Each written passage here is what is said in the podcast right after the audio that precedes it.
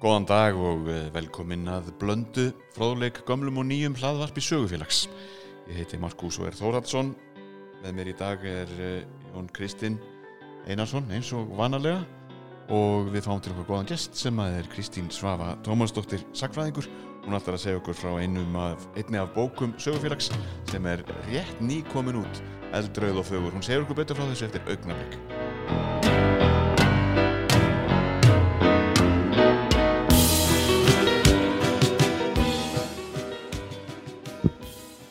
Bókin sem umræðir, konur sem kjósa, er uh, mikil af vöxtum og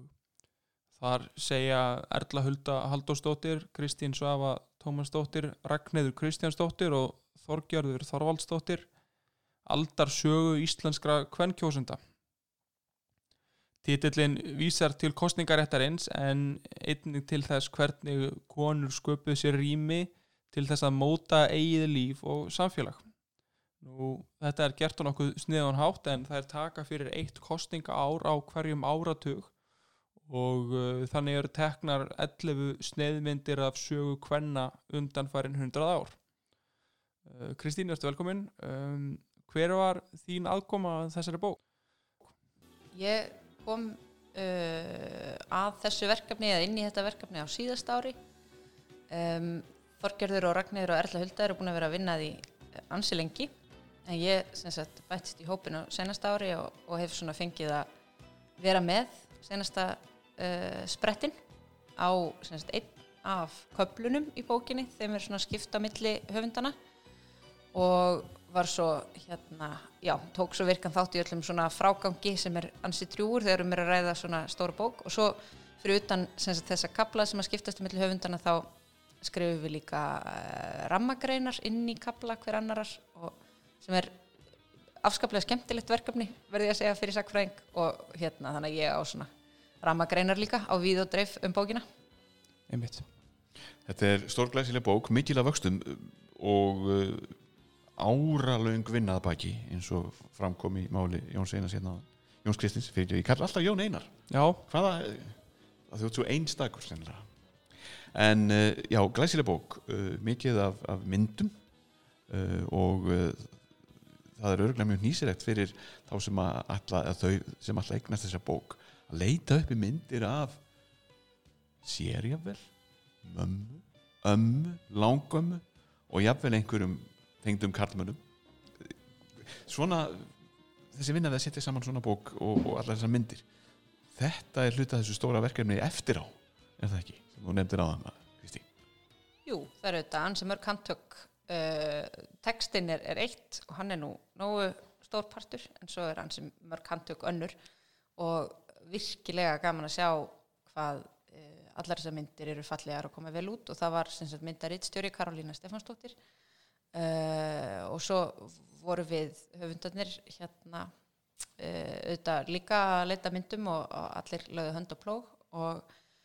svo var það Snæfríð Þorsteins sem að hannar bókina uh, á svona ótrúlega fallegan hátt, rosalega falleg útkoma. Og það er hægt að eh, snúa henni á alla kanta eh, við segjum ekki meir. Eh, og hún er dálítið svona eins og eins og rauðleitt biblía þessi bók. Já, má ekki bara segja hljóma kannski eins og þetta sé önnur bóka efni maður segir þetta sé rauða biblían en mér finnst það skemmtileg, skemmtileg lýsningssamt og fólk getur náttúrulega séð hana á vefsíðun okkar. uh, sögufélag.is myndir af henni. En uh, myndir nefnilega segja ekki allt. Hún einhvern veginn gjör breytist um leiðum að fyrir að handfjallana um leiðum að sér hana í eigin persónu ef svo má orðið komast Já, ég held þetta sé bók sem er mjög skemmtilegt að fletta hvort sem að maður er að setjast niður og, og, og lesa hana markvist eða, eða skoða, eitthvað sem er gaman að skoða. Og, um, og ég hérna mér finnst alltaf sko rétt að taka fram að, að þetta er stór bók og, og vegleg en hún er uh, finnst mér meðfærileg með við stærð þannig að það er um, þetta er ekki svona bók sem að þú uh, setur frá þér á stofuborðið og, og tekur ekkit upp aftur heldur, er þetta, er þetta bæði fallegu greipur og, og uh, margt skemmtilegt uh, í henni Já, en uh, þetta spjall okkar hér er nú bara ingangur að uh, aðalöfnið þáttarins, er það ekki? Jú, mjög spennandi nálgun sem að þær völdu þessar ágætu konur. Akkurat. Getur þú sagt okkur hans frá því, Kristín? Já, eh, okkur flaug það í hug að því að þetta eru nú einkennilegi tímar og allt það. Maður sakfræðingar segja kannski ekki fordæmalösir en þeir eru svolítið skrýtnir. Fordæma litlir Ford, fordæma fáir Já. tímar. Um, þannig að það er svona aðeins öðruvísi að vera að kynna bækur núna uh, ekki takt að halda mikið af upplesturum eða svo leiðis uh, en við fengum það hugmynd að búa til litla sögugöngu út frá bókinni sem að það sem fólk getur bara, því við getum nú ennþá farið göngutúr sem betur fyrr. Og uh, fólk getur þá bara farið og rölt um og hlustað á sög, sögugönguna. Þannig að við sem sagt skelltum okkur þrjár saman, ég og Erla Hulda og, og Ragnhildur, við fórum í göngutúr og rættum um hvernasögu og uh, þið völduð ákveðna leið? Uh, hún kemur í ljós smám saman eftir því sem fólk hlustar en er einhver sérstök ástæð fyrir því að þið völduð þessa leið en ekki einhverja aðra um, um borgin okkar? Já, já, við vorum alltaf bundnar við Reykjavík uh, að því við megum ekkert fara út á land. Nei, uh, og en það er rétt að taka fram að, að sko sagan er alls ekki bundin við Reykjavík. Er hérna, þetta er saga hvenna á öllu landinu. Um, en við vorum bundnar við Reykjavík þar sem hefur nú ímislegt þýðinga mikið gerst og þannig að við svona fórum bæði eftir því hvaða staðir okkur fannst uh, bráðunauðsynleir eins og uh, til dæmis það er kannski alltaf í lagi að nefna síðasta og fyrsta staðin í göngunni. Um, við hefjum sem sagt för á, við Bríetabrekku sem er kentu Bríeti Bjarniðansdóttur sem er auðvitað mjög stór persóna. Nú gerði ég uh, nafna á atriðsaraskrána í bókinni þannig að ég get sannarlega staðfest það hún kemur við við sögu. Og, og ljúkum svo leik á Östuvelli við stittun af Ingeborgu H. Bjarnason og fyrir framann Alþingi sem er náttúrulega, þetta er sem sagt saga íslenskara hvern kjósenda í, í eina öld þannig að fókusin er ekki bara á stjórnmálakonur en auðvitað er Alþingi og, og þingunur koma mikið við sögu. Þannig að þetta, þessi tveir staðir voru nú svona alveg nöðsynleir og svo bara reyndum við að fara einhverja leið sem væri bæði hérna e, þægilegt að ganga e, á ekki lengri tíma, þetta er undir klukkutími fyrir auðvitað eftir hvað fólk lappa hratt og, uh, og gef okkur líka færi á aðeins að bregða upp svona mynd af ólíkum hlutum sem við erum að fjallum í bókinni bæði pólitískri þróun og alls konar þemum og líka personum, af því það er mjög mikið af, mjög mikið af alls konar konum sem komum við sögu í bókinni. Eigum ekki bara að hvetja hlustendur til að nýta á sig stafrinu gönguskóna og rölda með ykkur þremur höfundum þessara bókar í áttina Bríetarbrekku og þar verður fyrsta stoppið og þið ætlaði að segja okkur ímsar sögur á þessari vegferði ykkar í gegnum kostningasögu íslenskra kvenna. Kristín Svafa Tómasdóttir ein af höfundum bókarinnar Konur sem kjósa. Takk fyrir að koma til okkar og við hlökkum til að rölda um borgina með þér og ykkur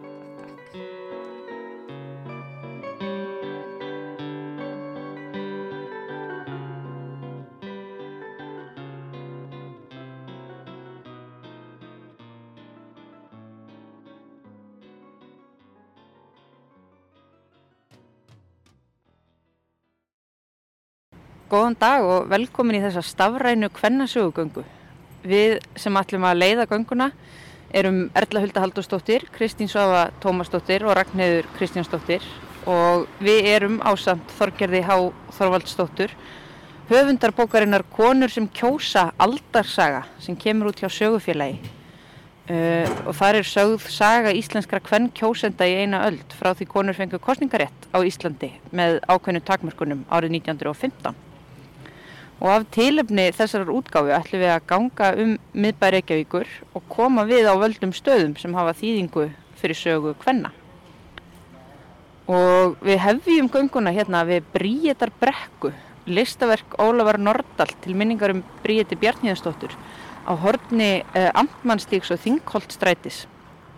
Og ef ég spyr þig bara hér fyrst Erla Hulda, hvaða þýðingu hafði þið Bríet og, og hennar heimili hér í Þingholtunum, svona í, í aðdraganda þess að konur fengur kostningarétt? Já, Þingolstræti átján þar sem Bríet bjó, þetta var svona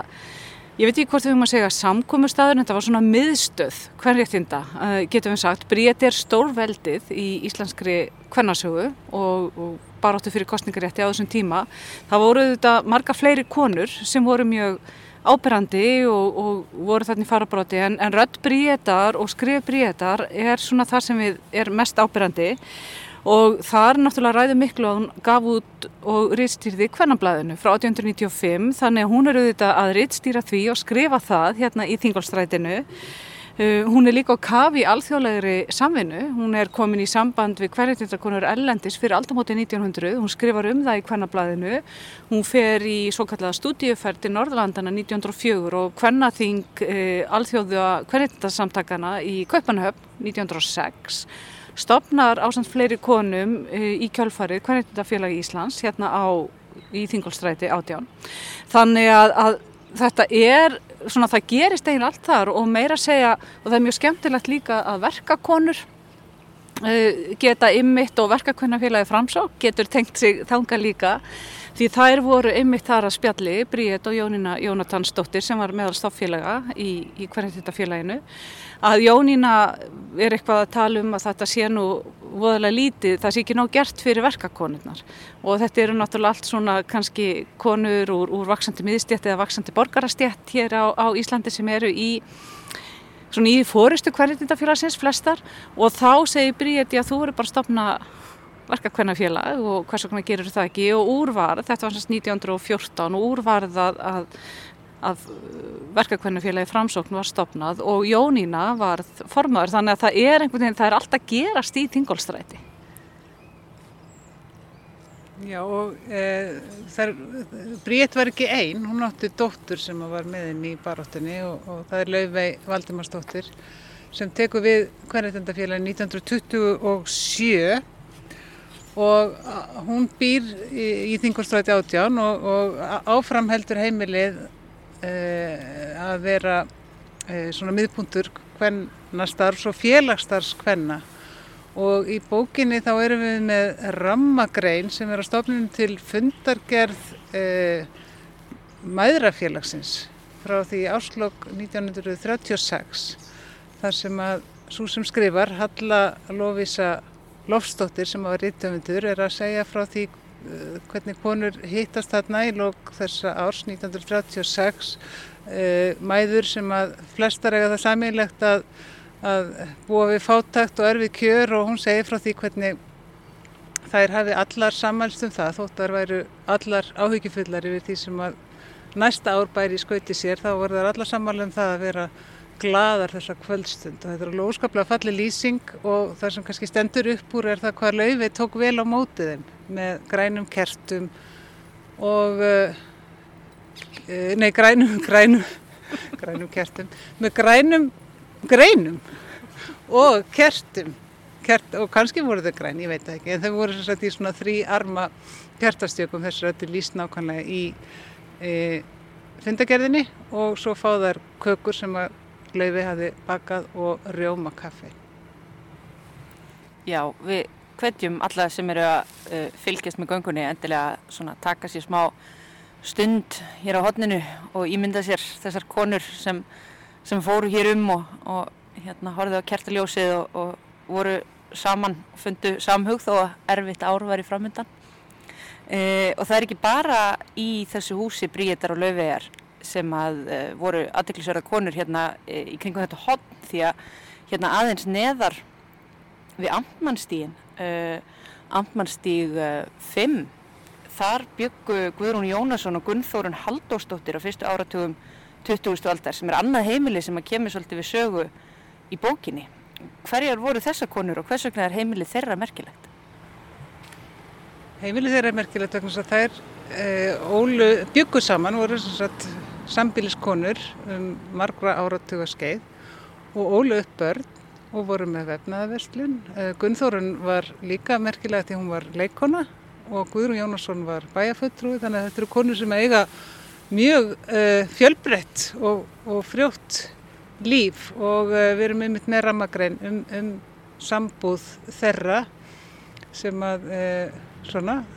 er orðin hluti af hins einn sögunni. Og hérðan af þessu fjölbreytta og skemmtilega hotni í þingkoltunum þá ætlum við að lappa e, söður þingkoltstrætið í áttina frá laugaveginum og svo ætlum við að beigja niður bóklöðustíg og inn laufásveg og fara svo niður tröppurnar í portið bak við miðbæjarskólan.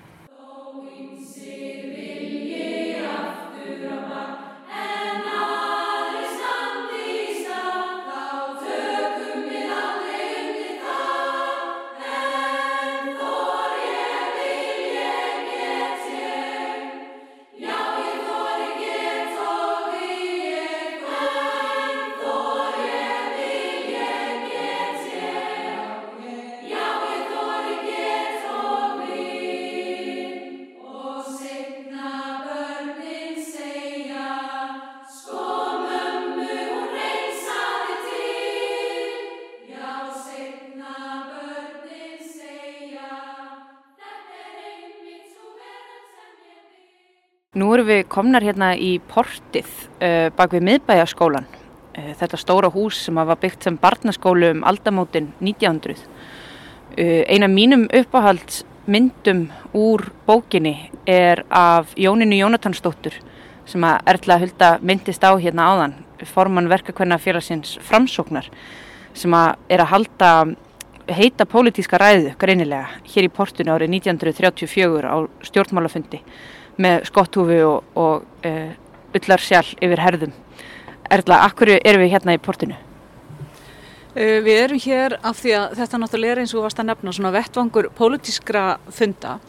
og, en það sem við kannski vildum leggja áherslu á hér og það tengist myndum og frásögn í bókinni Konur sem kjósa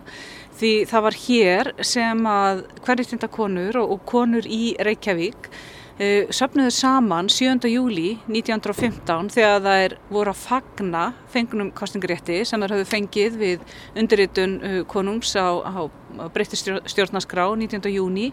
þarna tveimu vikum fyrr og þær völdu þingsetningadaginn til þess að geta svona flutt ávörp og þakka þinginu þannig að þær komu saman hér allar þessi fjöldi hvenna í sínum á sínum íslenska búningi í nútíma uh, meira, ég má segja, modern hlaðinaði af roskum fötum eins og þetta var stundu kallað og 200 smámegar eins og Bríð Bjarníðastóttir lýsir því í hvítum uh, kjólum með flögg og svo var þessi skrúðganga þar sem er gengu fylltu liði niður á Östurvöll og með uh, hortnaflokku undan sér. Og af þessu erum við sagt, með mjög skemmtilega myndir í bókina. Það er gaman svona rína vel í þær og, og skoða klæðinaðinn, stemminguna og, og einhvern veginn ótrúlega skemmtilegt. Og þessi, þessi bygging og, og þessi staður á sér þess vegna mjög sterka feminíska skýrskotun og það er ymmit kannski að við hoppum fram nokkuð marga áratígi alveg til ásins 2003 þegar Feministafélag Íslands var stopnað þá var það akkurat í sal hér í þessu húsi þannig að, að þetta er mjög sterk tenging. Og hún er það í vissum skilningi en í dag vegna þess að nú er hér til húsa Kvennaskólinn í Reykjavík og Kvennaskólinn kemur nút alltaf oft við sögu líka, er það ekki Ragnhildur? Jú, hann er svona líkil punktur í bókinni, kemur upp aftur og aftur og það er kannski helst að nefna það að fyrsta þinkonan, Ingi Björg K. Bjarnason, var einmitt fórstuðumadur Kvennaskólans í Reykjavík og, eh, og þar eru þetta margar konur sem að fara í gegn og læra ímislegt og svo framvegs og svo, en hann kemur líka við sögu kannski ekki e, sem ekki eins mikið feminist eða hvenna politist afl e, þegar líður á e, öldina á sjönda áratugnum þá voru þarna, gildi þarna mjög strángar reglur og við komum inn á það í bókinni um, um útlitt og, og, og svona samskiptahætti stúlmannar sem voru í kvennarskólu þar máttu ekki mála varir, það máttu ekki mála neglur og það þurftu að vera óðurlega prúðar innan og utan vekja skólans og uh, svona eftir á að higgja marga þeirra sem að horfa tilbaka uh, og nokkrar, nokkrar hafa sagt frá því að, að þeim fannst skólinn svona svolítið verið að halda sér niðri á þessum tíma vegna þess að það, þó að þarna hefur vissulega verið lögð mikil áherslu á góða mentun, þá var svo mentun ekkert endilega hugsuð sem undirbúningur undir háskólanám þar sem að konur eða stelpunar myndir standa jafnfættis uh, strákonum og uh, saga hvenna skólan skimur líka við sögu annar staðar í bókinni þar sem við erum að skoða svona hugmyndir um mismunandi um, mentun stráka og stelpna vegna þess að það kom, kom fram þarna á, á fymta áratugnum minni mig að þá komu fram hugmyndir um það að aðgreina í raun og veru framhaldsmentun stúlna og drengja þannig að, að það væri ekki lengur þannig að þau geti farið í, í framhaldsskóla heldur ættu stelpunar að vera sér og strákarnir sér og það ætti þá ekkert að vera að kenna stelpunum þar sem að myndi ekkert gagnast þeim í lífinu vegna þess að hugmyndin var þá svo að þær ætluðu hvað sem er flestar að verða húsmæður. Og við ætlum að feta í fótspor kvítklættu smámegjana núna uh, og halda niður í kvós með smá, uh, með smá krók. Og nú ætlum við að lappa út úr portinu og niður á mótum fríkirkjuvegur og lækjagötu Við ætlum að beigja inn vonastræti og ganga að bílastæðinu sem er fyrir aftan alþingishúsið á mótum vonastrætis og templarasuns.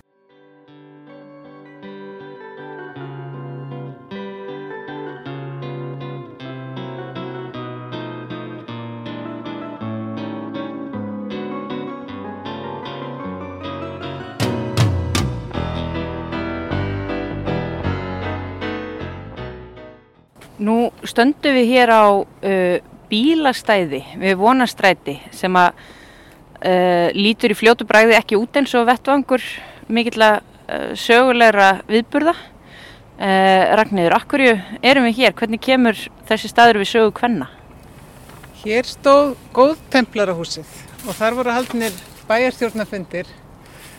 bæjarstjórn Reykjavíkur hittist hérna til þess að funda. Og árið 1932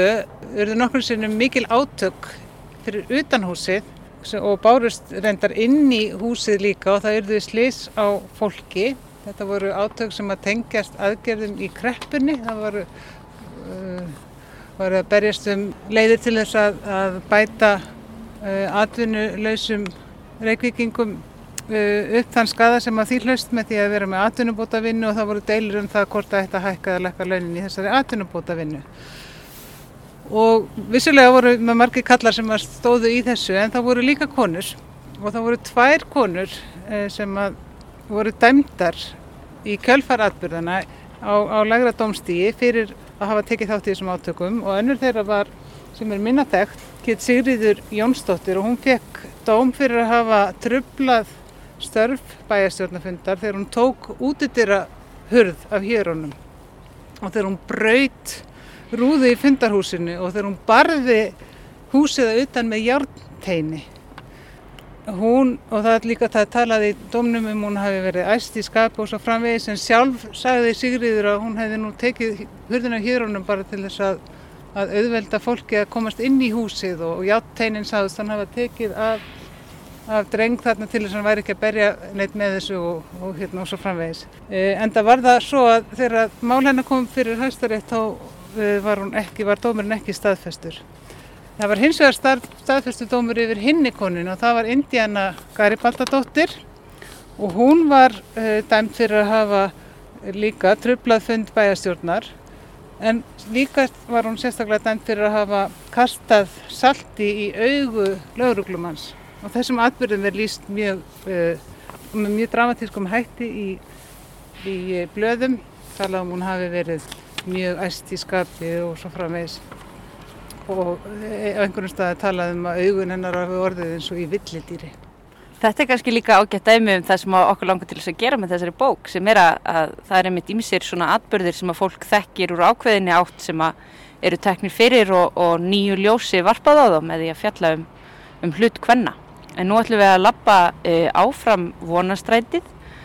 og beigja svo til hægri tjarnagötuna og halda áfram fram hjá fókitagarðinum eftir aðalstræti og, og staðnemast á Ingólstorki.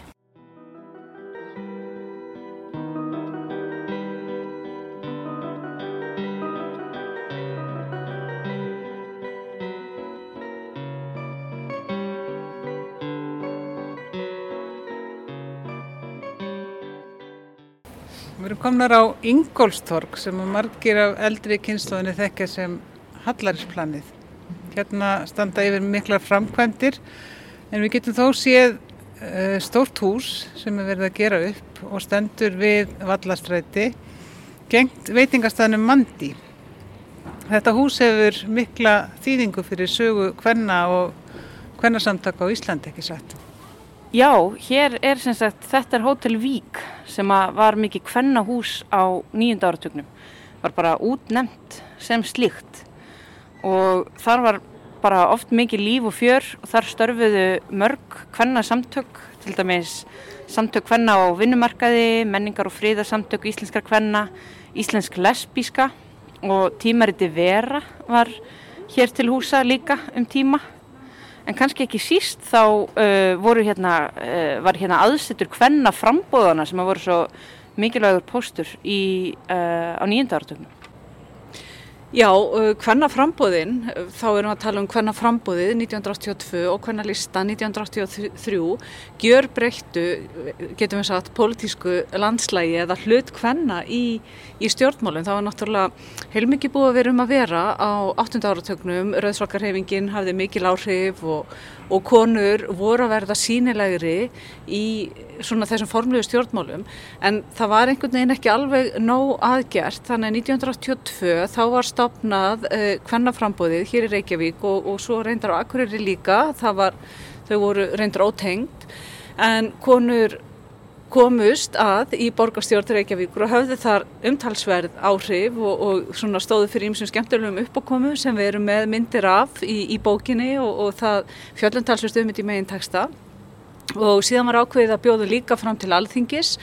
og samtökum kvennalista voru stopnuð til þess 1983 og þær uh, buðu sem sagt fram það voru til alþingiskostninga og komið þreymur konum að og þá fjölgaði konum á Íslandi e, í, á alþingi úr 5% sem eru voru búin að vera í svo lengi upp í 15% og eru þá loksins, komust loksins einhvern veginn, einhvern veginn segja nær konum á þjóðþingum á, á hínu Norðurlöndunum. Já, má nefna kannski eitt svona félag í viðbútt eða félagskap sem var hérna til húsa á Hotel Vík sem er Kvenna ráðgjöfinn Uh, sem var stórmerkilegt fyrirbærið þar sem að konur gáttu komið og sótt sér lagaleg og, og félagslega ráðgjöf. Það var svo í tengslum líka við hvenna ráðgjöfin eða svona hópin sem stóði í kringum hanna sem að samtökum hvenna atkvarf verið stopnið árið 1982 sem er mjög mikilvægur uh, punktur svona í sögu baróttunar gegn kynbundna ofbeldi sem er að hefjast á Íslandi alveg um það leiti og það er svo aftur í sambandi við við hópa í kringum hverna atkvarfið sem að stígamótur í stofnun 1990 þannig að þetta er líka uh, mikilvægt í, í því samhengi. Og það má minnast á bara uh, ein, eina personu, eina mörgum svona fjölbreyttum personum í bókinni sem að tengist þessu auðmitt uh, og þessum stað hérna Hallarísplaninu alveg sérstaklega, það var Lauve Jakobsdóttir sem var þekkt sem amman í grjótaþorpinu. Hún hérna starfaði með hvernaframbóðunum og uh, sá um almenningsklósettið í grjótagötu. Og þar var hún þekkt sem verndari unglingana sem að söpnuðist saman í með miðbænum á kvöldin. Og þar á meðal uh, stúlkna sem að trúðinni marga hverjar fyrir upplifin sinni af uh, erfiðum heimilisæðstæðum og jafnvel ofbeldi. Þannig að hún uh, var ekki bara að taka virkan þátt í kvennabartunni á þessum tíma. Laufey heldur talað hún mjög snemma um mikilvægi þessa að berjaske kynferðisofbeldi á þeim tíma þegar uh, það voru kannski ekki allir á þeim, á þeim stað. Já, hún hafði, hún var mikilvægur málsari stúlna þarna og hverjum þetta yfir höfuð og það er,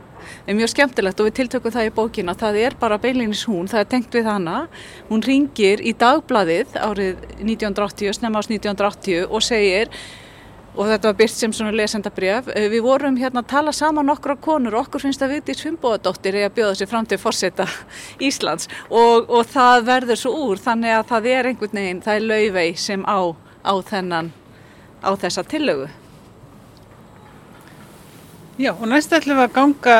inn Östustræti í átt aðlækjagötu og staðnæmast á hodninu við Póstustræti.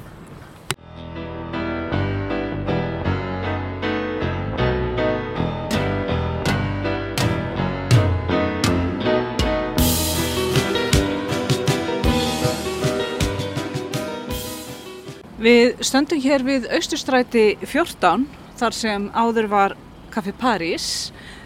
en akkur er stoppum við hér? Ástæðan fyrir við stoppum hér er tengt annari konu uh, sem kemur við sögu í bókinni. Við myndust á löfu Jakobsdóttur áðan uh, og hún var svona í pólitík en það eru líka alls konar aðrar uh, aðtapnasamar konur og eina af þeim er Bára Sigurjónsdóttir uh, sem að lengi rak verslunina hjá Báru. Og hún hóf göngu sína hér á annari hæðinni í, í Östustræti 14. Uh, Bára var mikil aðtapna kona og var búin að stopna tvo dansskóla 17 ára, annan í Reykjavík og hinn í Hafnafjörði og svo um 1950 þá eignast hún hérna verslunina uh, hattaverslun Ísafóldar og hún lærir hattagerð líka og þessi uh, verslun verður síðan að allhliða tískuverslun hjá Báru. Um, og hún var mikill frumkvöðull í mörgu Bára. Uh, hún var mjög þekkt fyrir brúðakjóla sína. Uh, komu allar konur hingað að, hérna, fá sér brúðakjóla og flutti inn nýjustu tísku sem hún fór og sótti til útlanda. Og svo voru hún og aðrar kaupkonur í, í Reykjavík heldur tískusýningar snemma Uh, þar á meðal í sjálfstæðishúsinu gamla hérna á, á Östuvelli sem að um, það sem að kvennaskólinn í Reykjavík var upphaflega. Þannig að þar voru þær með, með tískusýningar og, og síndu nýjistu tísku. Og það eru ymsar svona uh, kaupkonur sem að, og verslunarkonur sem að koma við sögu. Já, það eru margar konur sem hafa reykið hérna fyrirtæki, verslanir og jafnvel uh, hattagerð, hattabúðir, nærfata gerð og svo framvegis hérna á þessum slóðum. En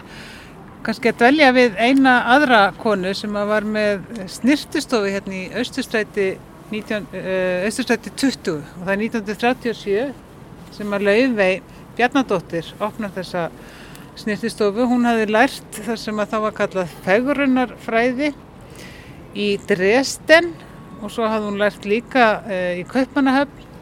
og líka kynnt sér starfsemi snirtistofa í Berlín og, og kemur síðan heim og stofnar þetta fyrirtæki og, og er með einhvers konar snirtiveru framleysi líka ef að ég maður rétt eins og reyndar önnur konar sem að um, um hverja var skrifuð merkilega bók sem kom út fyrir síðustu jól sem að gekk undir ymsum nöfnum en uh, meðal annars uh, Ingi Björg Stein, hún var með snirtiveru versmiðina veru Similjón á þessum árum og fjörða áratöknum en uh, það voru sem sagt á fjörðaratögnum skils mér að það hafi verið nýju hattabúðir í Reykjavík að, og flestar þeirra voru reknar á konum. og svo, já, þær voru bara hérna út um allt það má nefna semst að hjá Báru flutti síðan upp á hverfiskötu og, uh, og þar sagðist Bára helst vilja deyja við ákvæmsluborðið uh, og liði fram í háa elli og brunaði um á, á svarta BM-vaffinu sínum sem hún kallaði svarta demandin það eru mikið af mjög svölum konum í þessari bók Það er herrafattaverslu núna þarna, hverju skotu 50, Húrra Reykjavík kalla, eða var allavega síðast þegar ég gekk um hverju skotu, þá var Húrra Reykjavík fyrir kalla í, í verslunar húsnæðinu hennar Báru. Það var æfintýri að koma í búðina til Báru, sannarlega. En nú ætlum við að ganga síðasta, að síðasta staðnum í þessari göngu eftir Pústustræti og inn á Austurvöll og staðnæmast við stittuna af Ingi Björg og Há Bjarnarsson.